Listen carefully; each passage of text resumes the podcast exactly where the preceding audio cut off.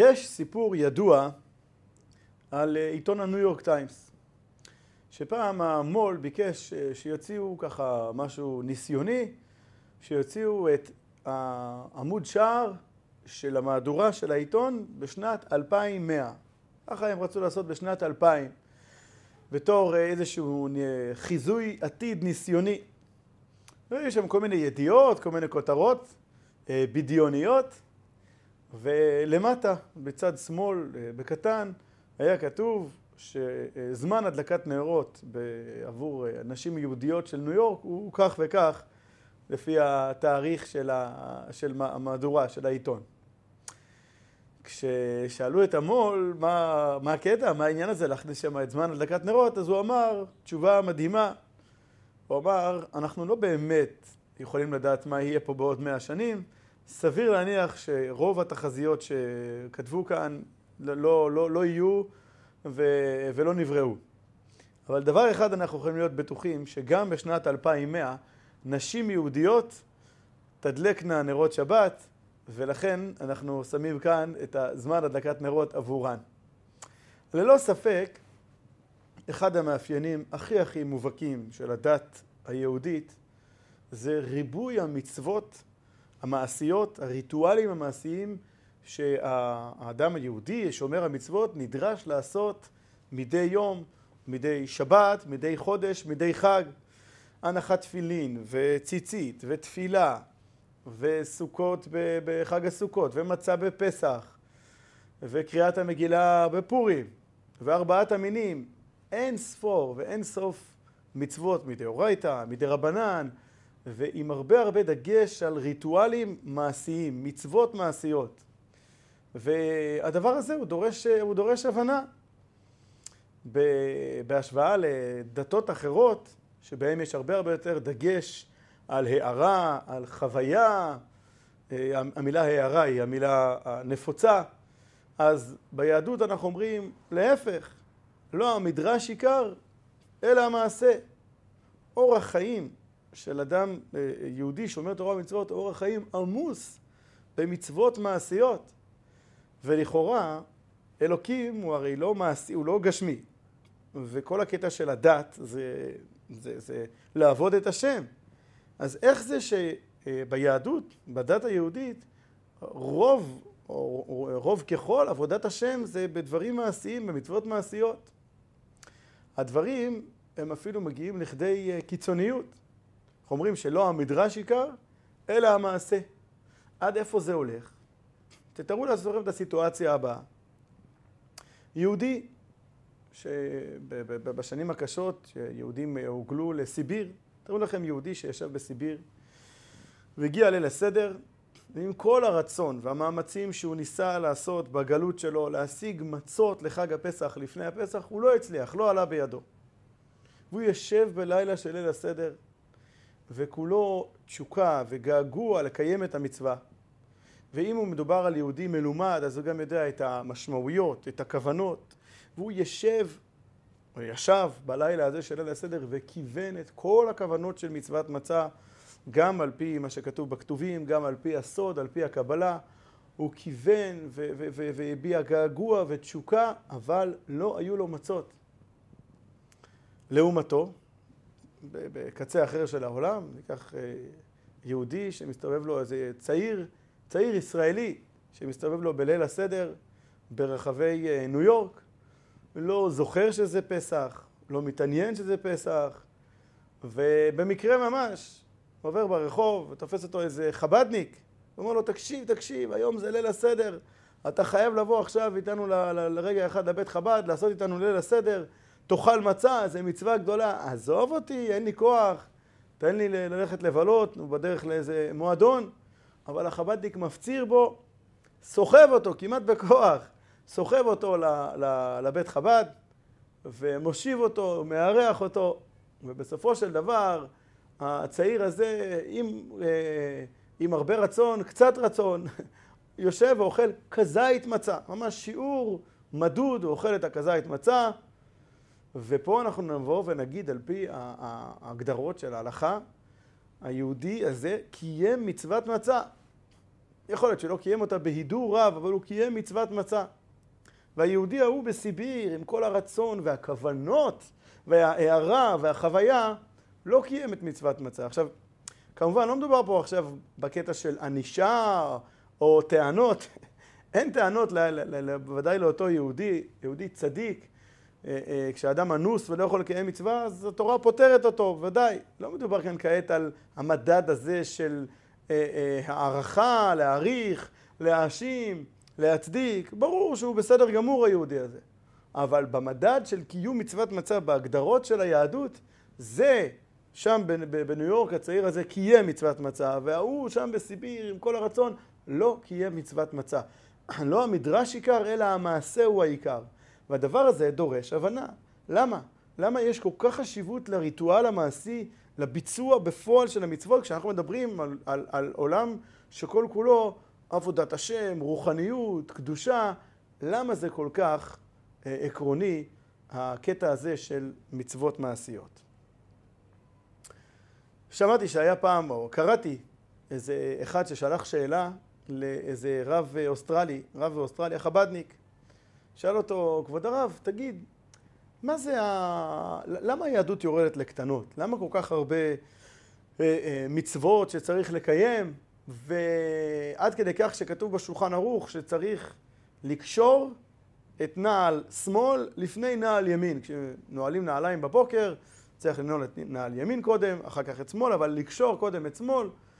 תגיד, זה לא, זה לא מוגזם שהתורה, שהמצוות, יורדת לכאלה פרטים טכניים, מעשיים? ואז הוא מוסיף במייל שלו, ואגב, כבוד הרב, שלחתי את השאלה כבר לפני שבועיים, ועדיין לא ענית לי. אולי אה, תפסתי, תפסתי את הרב באיזו שאלה שסוף סוף שאין לו תשובה עליה, אולי אין תשובה לזה? אנחנו אה, אה, נקריא, נחזור על התשובה של הרב מאוחר יותר. אבל לפני כן עוד שאלה אחת בהקשר הזה.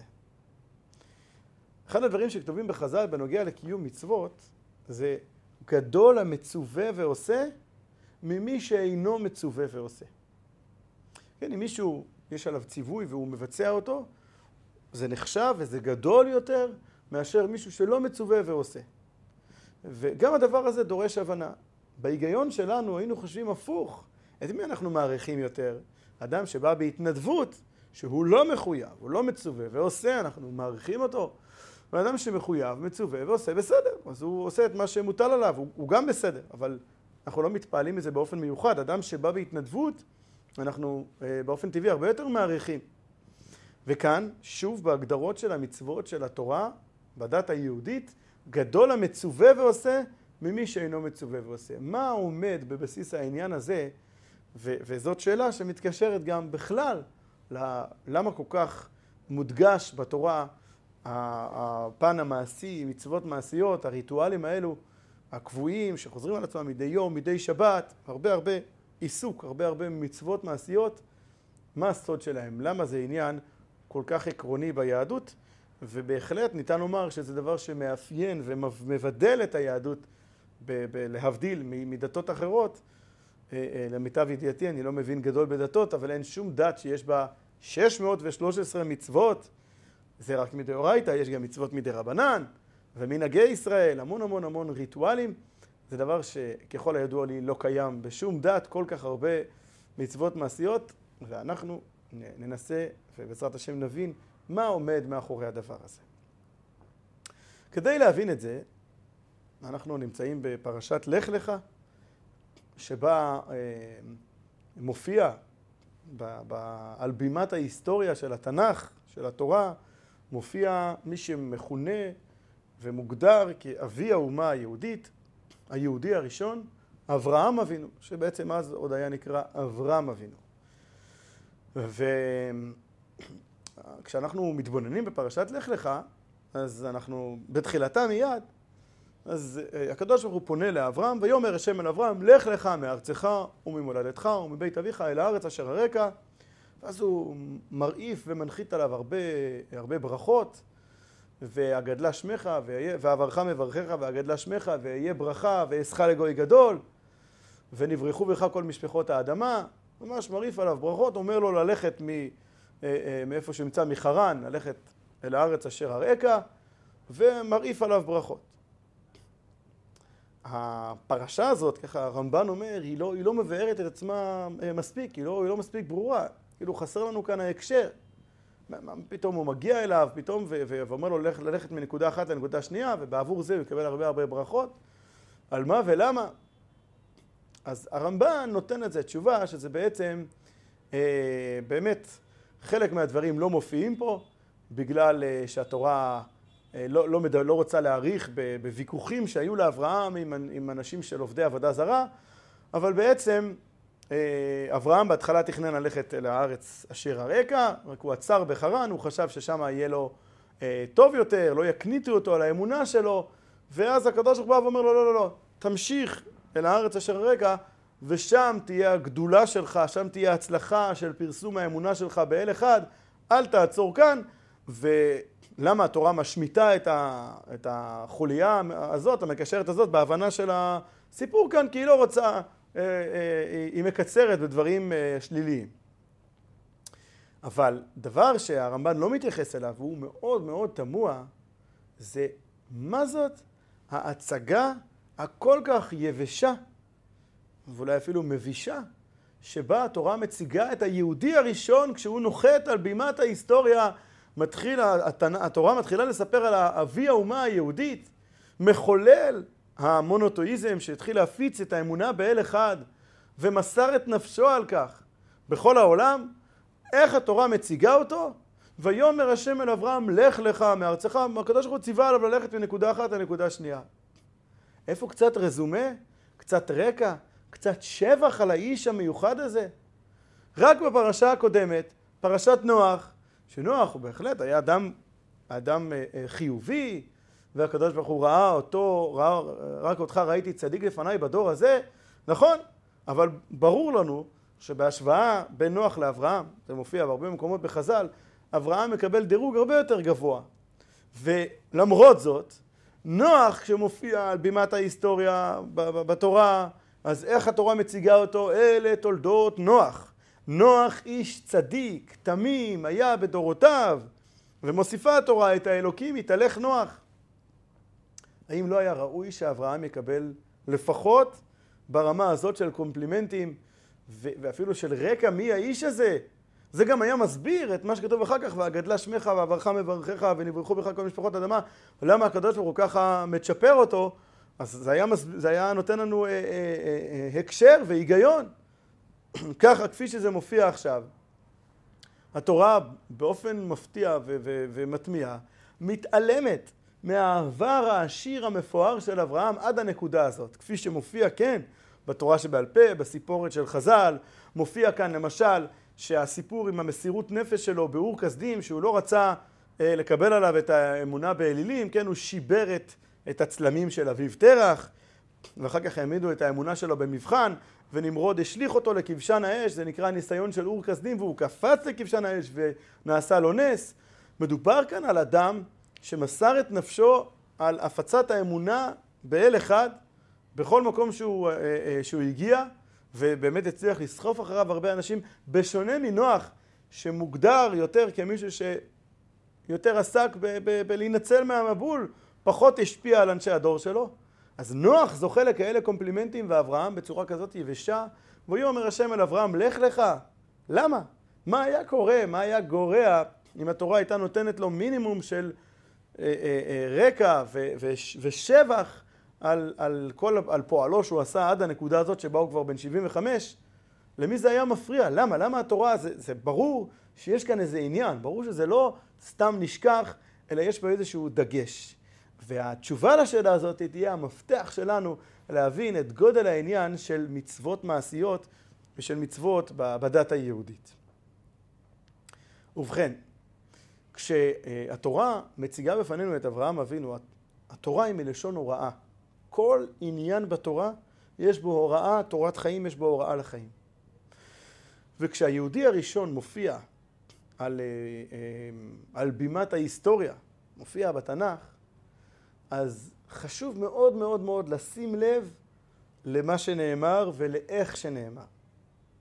אגב, זה לא הפעם הראשונה ממש שאברהם מוצג, הוא כן מוצג בסוף הפרשה הקודמת, אבל לא בתור איזה משהו מיוחד, בתור אחד הצאצאים של תרח, שזה לא איזה ייחוס מי יודע מה.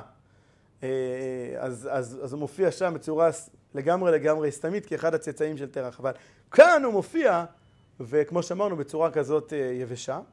וההסבר לכך הוא שהתורה מדייקת ובהחלט שוקלת את המילים ומכניסה אך ורק את המילים שיזקקו את ליבת הרעיון של מה האדם הזה הולך להביא לעולם, הבשורה שהאדם הזה, אברהם, הולך להביא לעולם, בשורת העם היהודי, אבי האומה היהודית.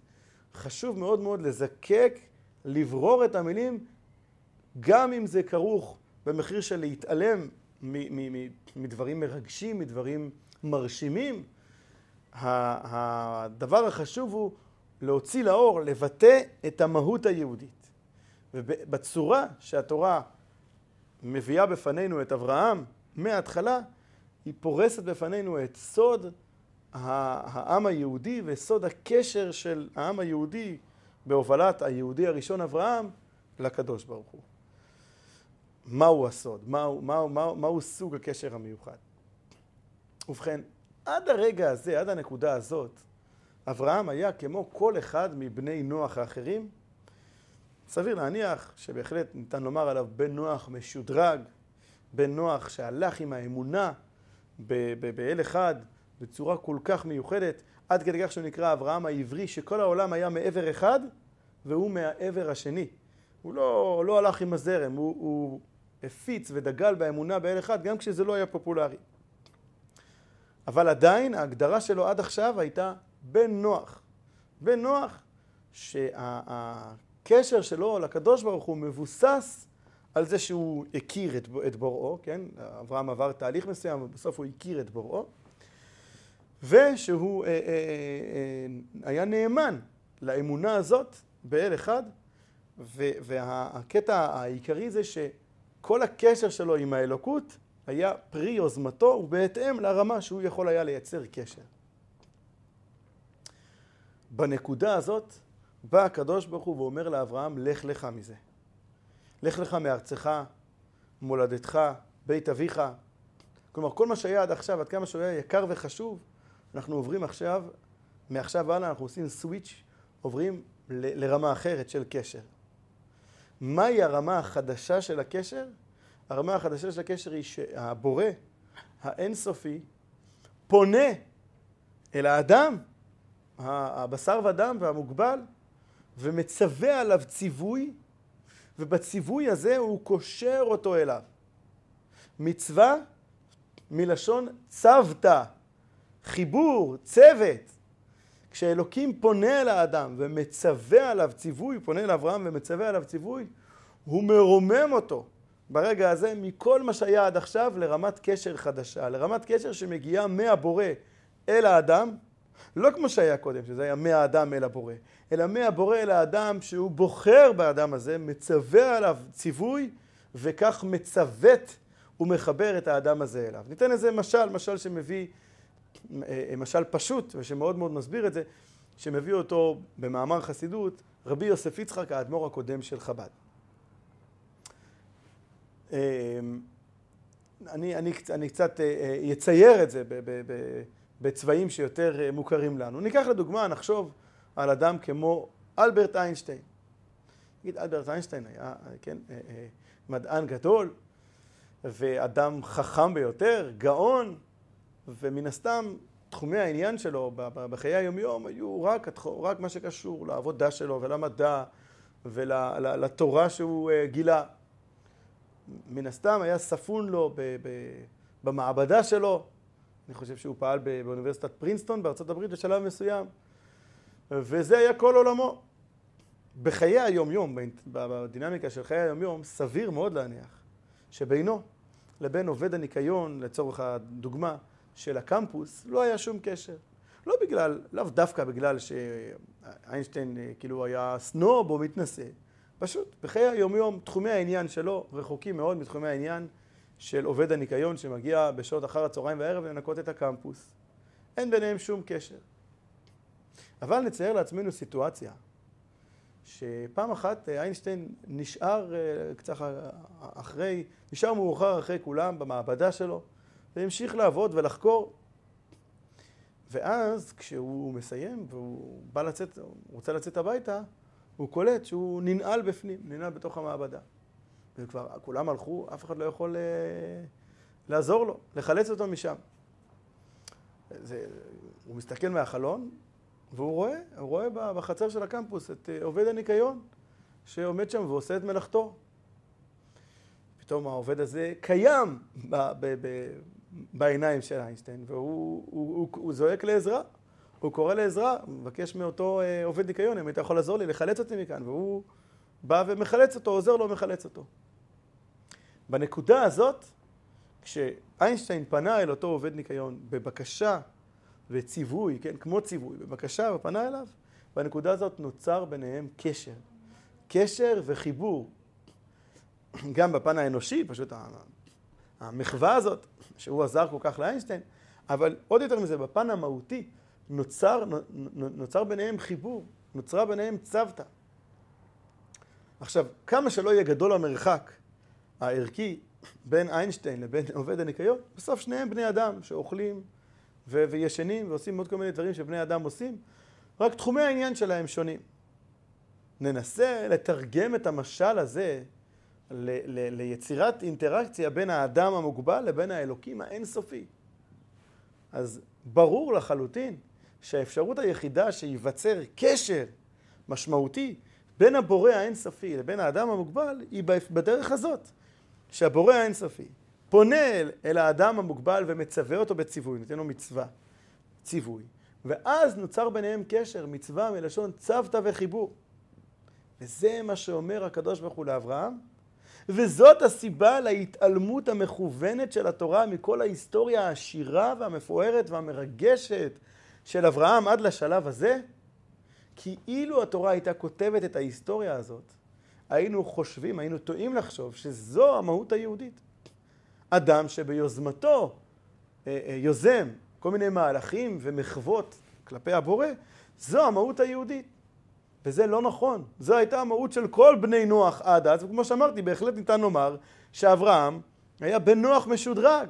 עשה הרבה יותר מחוות כלפי אלוקים מאשר אה, אה, בני נוח אחרים. זה בסדר גמור. אבל לא, זו המהות היהודית. אם התורה הייתה כותבת את זה, כשהיא פורסת בפנינו, מביאה בפנינו את הדמות אברהם, היינו טועים לחשוב שזו המהות היהודית. בכך שהתורה מתעלמת מהעבר המפואר הזה. זה מושלם, זה, זה, זה, זה כן נכתב בתורה שבעל פה, אנחנו נדע את זה. זה לא, זה לא העניין של לדעת את המידע על המעשים המיוחדים של אברהם עד השלב הזה או לא. את זה יש דרכים לדעת. אבל בצורה שהתורה פורסת בפנינו את, ה, את, ה, את אברהם אבינו, ובכך שהיא מתעלמת מהעבר המפואר הזה, ומתחילה מהנקודה הזאת של ויאמר השם אל אברהם לך לך, שהוא מצווה עליו, ואברהם מציית לציווי, בזה היא מזקקת ומגדירה שזו המהות היהודית. זו המהות היהודית וזו המהות של מצוות ביהדות. עכשיו אנחנו כבר יכולים להבין היטב למה גדול המצווה ועושה ממי שאינו מצווה ועושה. הנה, בדיוק, בדיוק זאת ההדגמה. לפני שיש מצווה ועושה, אין כאן את הצוותא, אין את הציווי, שהציווי פועל את הציוות, את החיבור, את הצוותא והחיבור. זה לא, זה לא קיים, זה מחווה מאוד יפה, ושוב, אנחנו לא מדברים כאן על, על אה, אה, אה, לדרג אנשים כמה הוא בן אדם טוב או לא טוב, כל בן אדם שעושה, ש, ש, שמכיר במציאות של השם ופועל למען האמת הזאת, הוא אדם טוב. אבל כאן זאת לא שאלה של טוב או לא טוב, אלא שאלה של סוג הקשר. גדול המצווה ועושה ממי שאינו מצווה ועושה. מי שמצווה ועושה, נכנס פה האלמנט של מצווה מלשון צוותא וחיבור. וזו הנקודה, זה החידוש הגדול שהקדוש אומר פה לאברהם, לך לך מארצך. ארצך על פי החסידות, מסביר בעל התניא, זה גם הרצונות שלך. מולדתך זה התובנות שלך, כי על פי הקבלה, חוכמה ובינה זה אב ואם.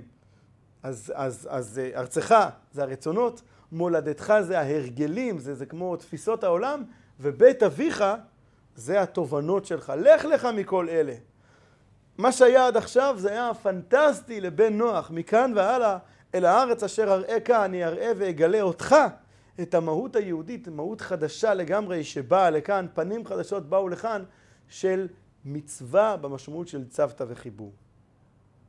מכאן גם שההבדל בין שבע מצוות בני נוח לבין תרי"ג 613 מצוות הוא ממש ממש לא רק הבדל בכמות. זה לא עניין מספרי, שבע לעומת 613.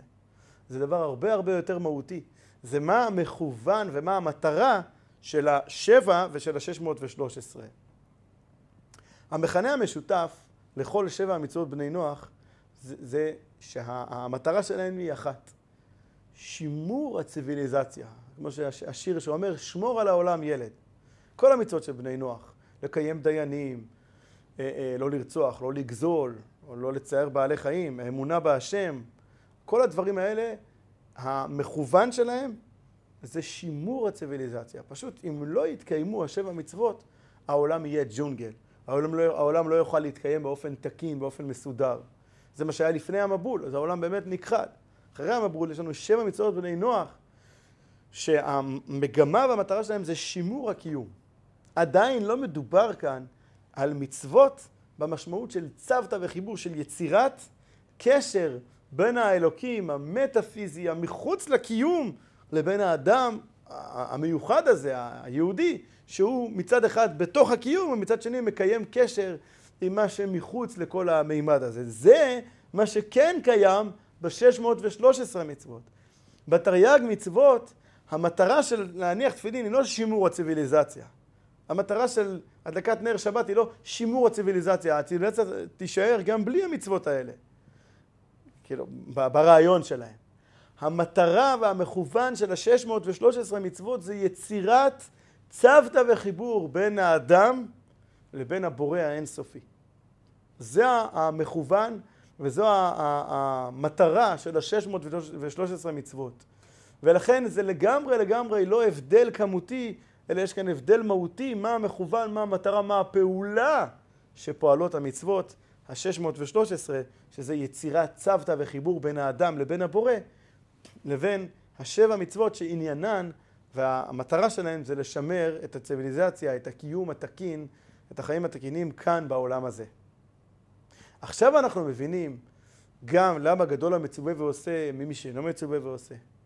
ועכשיו אנחנו גם מבינים את העניין של רצה הקדוש ברוך הוא לזכות את ישראל, לפיכך הרבה להם תורה ומצוות. אם אנחנו מתייחסים לכל מצווה כערוץ של עוד צוותא ועוד אפשרות לקשר את החיים הפיזיים שלנו למימד המטאפיזי, לאלוקים, לבורא האינסופי, אז ברור שככל שיש לנו יותר מה, מה, מה, מהערוץ, יותר ערוצים כאלה, כך החיים שלנו הם חיים יותר מרוממים. הם חיים שה... וגם המגמה של המצוות זה לרומם ולזכך את החומר. על ידי שמקשרים את החומר עם מה שמעל החומר, עם האלוקים, עם הבורא האינסופי, שהוא מחוץ ומעל, או מעל, לא מחוץ, הוא, הוא, הוא מלוא כל הארץ כבודו, הוא מעל ומעבר לגבולות של הקיום. ובאמצעות המצווה אנחנו מנכיחים ומגלים אותו בתוך הקיום. ולכן ככל שיש יותר מצוות, ככה יותר ויותר שטחים ואלמנטים בחיים הפיזיים שלנו מתרוממים אל עבר האין סוף, אל הקשר עם הקדוש ברוך הוא. זה הסוד, זה הרעיון של ריבוי המצוות. רצה הקדוש ברוך הוא לזכות את ישראל, לפיכך הרבה להם תורה ומצוות, שנאמר השם חפץ למען צדקו יגדיל תורה ויאדיר. מכאן גם מגיעה הגישה של הרבי מלובביץ', שכל הרעיון שאמרתי בשיעור הזה הוא מתוך שיחה שלו, מכאן מגיעה גם הגישה שלו שכדי לקשר יהודי ליהדות לא חייבים להתחיל, ולהפך, לא צריך להתחיל דווקא מאיזה שהן פילוסופיות עמוקות ושכנוע, לשכנע אותו באמת של התורה, באמת של המציאות הבורא ובהיגיון של זה או ביופי של זה. הדרך הראשונה להחזיר, להביא יהודי הביתה, להביא יהודי אל היהדות, זה להציע לו לקיים מצווה.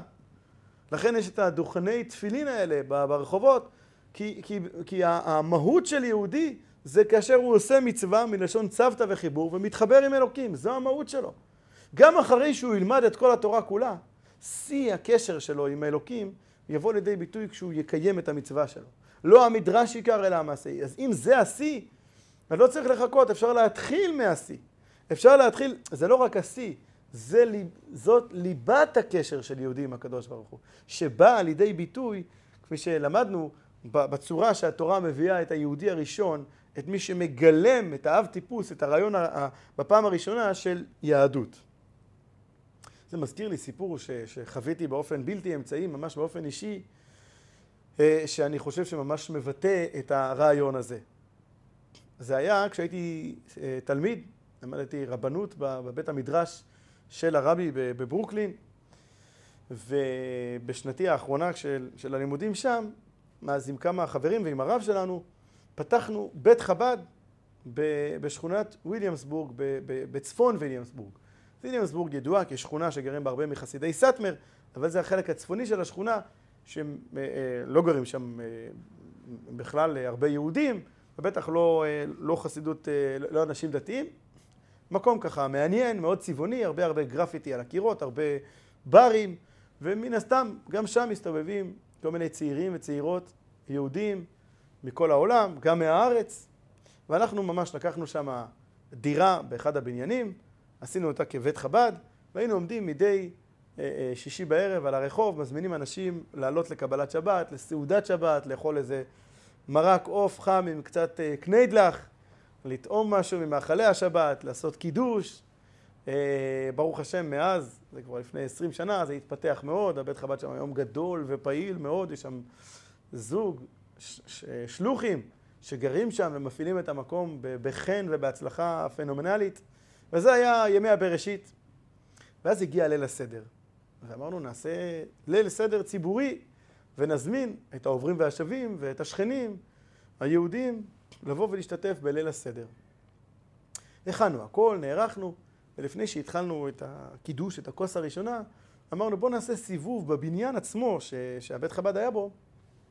היו אה, כמה אה, צעירים שגרו שם, ישראלים, שגרו בכל מיני דירות בבניין הזה, אז נלך להזמין אותם לליל הסדר. אני נשלחתי לקומה אחת מעל, הסתובבתי שם ובאחת הדלתות דפקתי בדלת, פתחה לי בחורה צעירה ישראלית, פתחה ככה את הדלת, היא הייתה קצת אה, עמומה, היה ניכר עליה שהיא היא, היא לא בעניינים מהבחינה הזאת שהיא לא, היא לא דמיינה, היא לא זכרה שזה עכשיו אה, ליל הסדר, שזה חג הפסח, הייתה מנותקת מה, מהעניינים. ואני אומר לה, אה, חג שמח, אנחנו כאן מבית חב"ד, אני רוצה להזמין אותך לעשות איתנו את ליל הסדר היום. זה, עכשיו זה ממש, זה, זה ליל חג הפסח, בואי תעשי איתנו את ליל הסדר. היא ככה הייתה קצת מבוישת, אמרה לי, תשמע, זה ממש נחמד מצדך שאתה מזמין, אני אחשוב על זה, אולי אני אבוא. אה, תודה רבה על ההזמנה. זהו, ירדתי למטה, וכשממש התחלנו קידוש, תוך כדי ראיתי שהיא נכנסה, קראו לה דורין, היא נכנסה לבית חב"ד. ישבה, ישבה כל הערב, הייתה איתנו בליל הסדר, וזהו, האירוע הזה אה, אה, נשכח ממני. כעבור חודשיים אני בעצמי נסעתי חזרה לארץ, וכאן הכרתי את מי שאחר כך אה, זכיתי ונהייתה לאשתי, וכן, השתדכנו, החלטנו להתחתן, וזהו, בעצם נשארתי בארץ. אבל בחודש החגים, שהיה אחרי, אחרי אותו פסח, נסעתי לבקר שוב בניו יורק, בחצר של הרבי מלובביץ', נסעתי עם אשתי הטריה, התחתנו כמה ימים לפני ראש השנה, ובחג הסוכות באנו לבקר בבית חב"ד שפתחנו, בבית חב"ד בצפון ויליאמסבורג. ואת מי ראינו שם? כן, את דורין. אחרי אותו ליל הסדר היא באה שוב, ושוב, ושוב, ובסופו של דבר התחברה מאוד מאוד, חזרה לארץ, הכירה כאן בחור, הקימה בית נאמן בישראל, בית יהודי, גאה וכשר, וזה ממצווה מעשית שקראנו, הזמנו אותה לעשות איתנו ליל הסדר באותו לילה, כשהיא הייתה נראית מנותקת לגמרי מכל הדבר הזה, ולא ההסברים או השכנוע או הרעיונות הם אלה מה ש... הם, הם מה שהביא אותה והחזיר אותה לחיק היהדות, אלא דווקא ההשתתפות הפעילה במצווה מעשית בליל הסדר, באכילת מצה ובשתיית ארבע הכוסות, ובמנהגים, מנהגי ישראל שיש סביב ליל הסדר, כנראה שדווקא זה מה שהצית את הניצוץ אצלה, וזה באמת, זה הניצוץ, זה הברק, זה העומק שקיים בתורה והמצוות, במצוות המעשיות שנמצאות כל כך הרבה הדגשה וכל כך הרבה ביהדות. ועכשיו, למה שענה הרב האוסטרלי החבדי לאותו, אה, לאותו בחור. הוא אומר לו, הוא, הוא עונה לו ככה, שלום לך, שלום אה, חבר, אה, ראיתי את השאלה שלך, ואני מצטער, אני גם עניתי לך, עניתי לך מיד, מיד אחרי שקיבלתי את השאלה, אבל אני מצטער, מאיזושהי סיבה, התשובה לא הגיעה אליך. והסיבה שהתשובה לא, ששלחתי לא הגיעה אליך, היא התשובה לשאלה שלך. כי אני ניסחתי תשובה, אבל uh, כשהכנסתי את כתובת המייל, כן, פעם, זה היה בתחילת הסיפור ישן, אז הכנסתי את הכתובת שלך במדויק, רק שכחתי את הדוט שלפני הקום, שכחתי את הנקודה שלפני הקום, ושלחתי. ומהסיבה הזאת המייל, התשובה לא הגיעה אליך. ואני חשבתי לעצמי, כמה קטנוני הדבר הזה, מה? כתבתי את כל הכתובת נכונה, ושכחתי רק נקודה אחת, ולכן פוסלים את זה ככה, המייל לא מגיע? אבל אז הבנתי שכדי לענות על השאלה הזאת אני צריך להבין את שפת המחשב, את הקודים של המחשב, אבל ככה זה עובד. כן, אם חסרה נקודה אחת, זאת לא הכתובת, ולא ייווצר הקשר, לא, לא יגיע, התשובה לא תגיע אליך. אבל זה בעצם התשובה לשאלה שלך. הקדוש ברוך הוא נותן כללים, נותן ערוצים, נותן מצוות מלשון צוותא וחיבור. וכן, את חלקם אנחנו מבינים, את ההיגיון שלהם, ואת חלקם לא, אנחנו לא מבינים למה זה יורד לכאלה קטנות.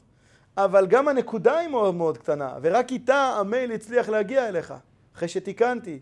אז ככה, גם הדברים הקטנים שהקדוש ברוך הוא מצווה עלינו, הם הקוד שמייצר את, אותה, את אותו צוותא וחיבור, את אותו חיבור עם הקדוש ברוך הוא על ידי המצוות, זה דווקא באופן הזה, בצורה הזאת, כפי שאלוקים, שנותן לנו את המצוות, צוותות האלה, כפי שהוא מצווה, רק כשאנחנו מקיימים את זה בצורה הזאת, כך נוצר הקשר והחיבור, ולכן זו החשיבות הרבה והמשמעותית של קיום המצוות וקיום המצוות בהידור ובשמחה. ואנחנו צריכים לדעת שכיום, מתוך התרי"ג, אנחנו יכולים לקיים יחסית מעט מאוד, מעט מאוד מצוות. הרבה מאוד מהמצוות, רוב המצוות של התורה תוכלנה להתקיים רק אחרי ביאת המשיח ו, אה, ובניין בית המקדש ועוד כמה דברים ש, ש, ש, שנחוצים כדי לקיים הרבה מאוד מהמצוות. וחלק מהרצון והתפילה שלנו לגאולה זה כדי שנוכל באמת לחיות חיי יהדות מלאים, מושלמים, ושם נעשה לפניך כמצוות רצונך בגאולה, זה חלק מהזעקה שלנו לגאולה, זה כדי שנהיה מסוגלים לקיים את כל המצוות ולייצר את כל הקשר ואת כל החיבור בין האלוקים האינסופי לבין המציאות הפיזית שלנו כאן, שזה בעצם סוד הגאולה, שבעזרת השם נזכה לה במהרה בימינו, אמן.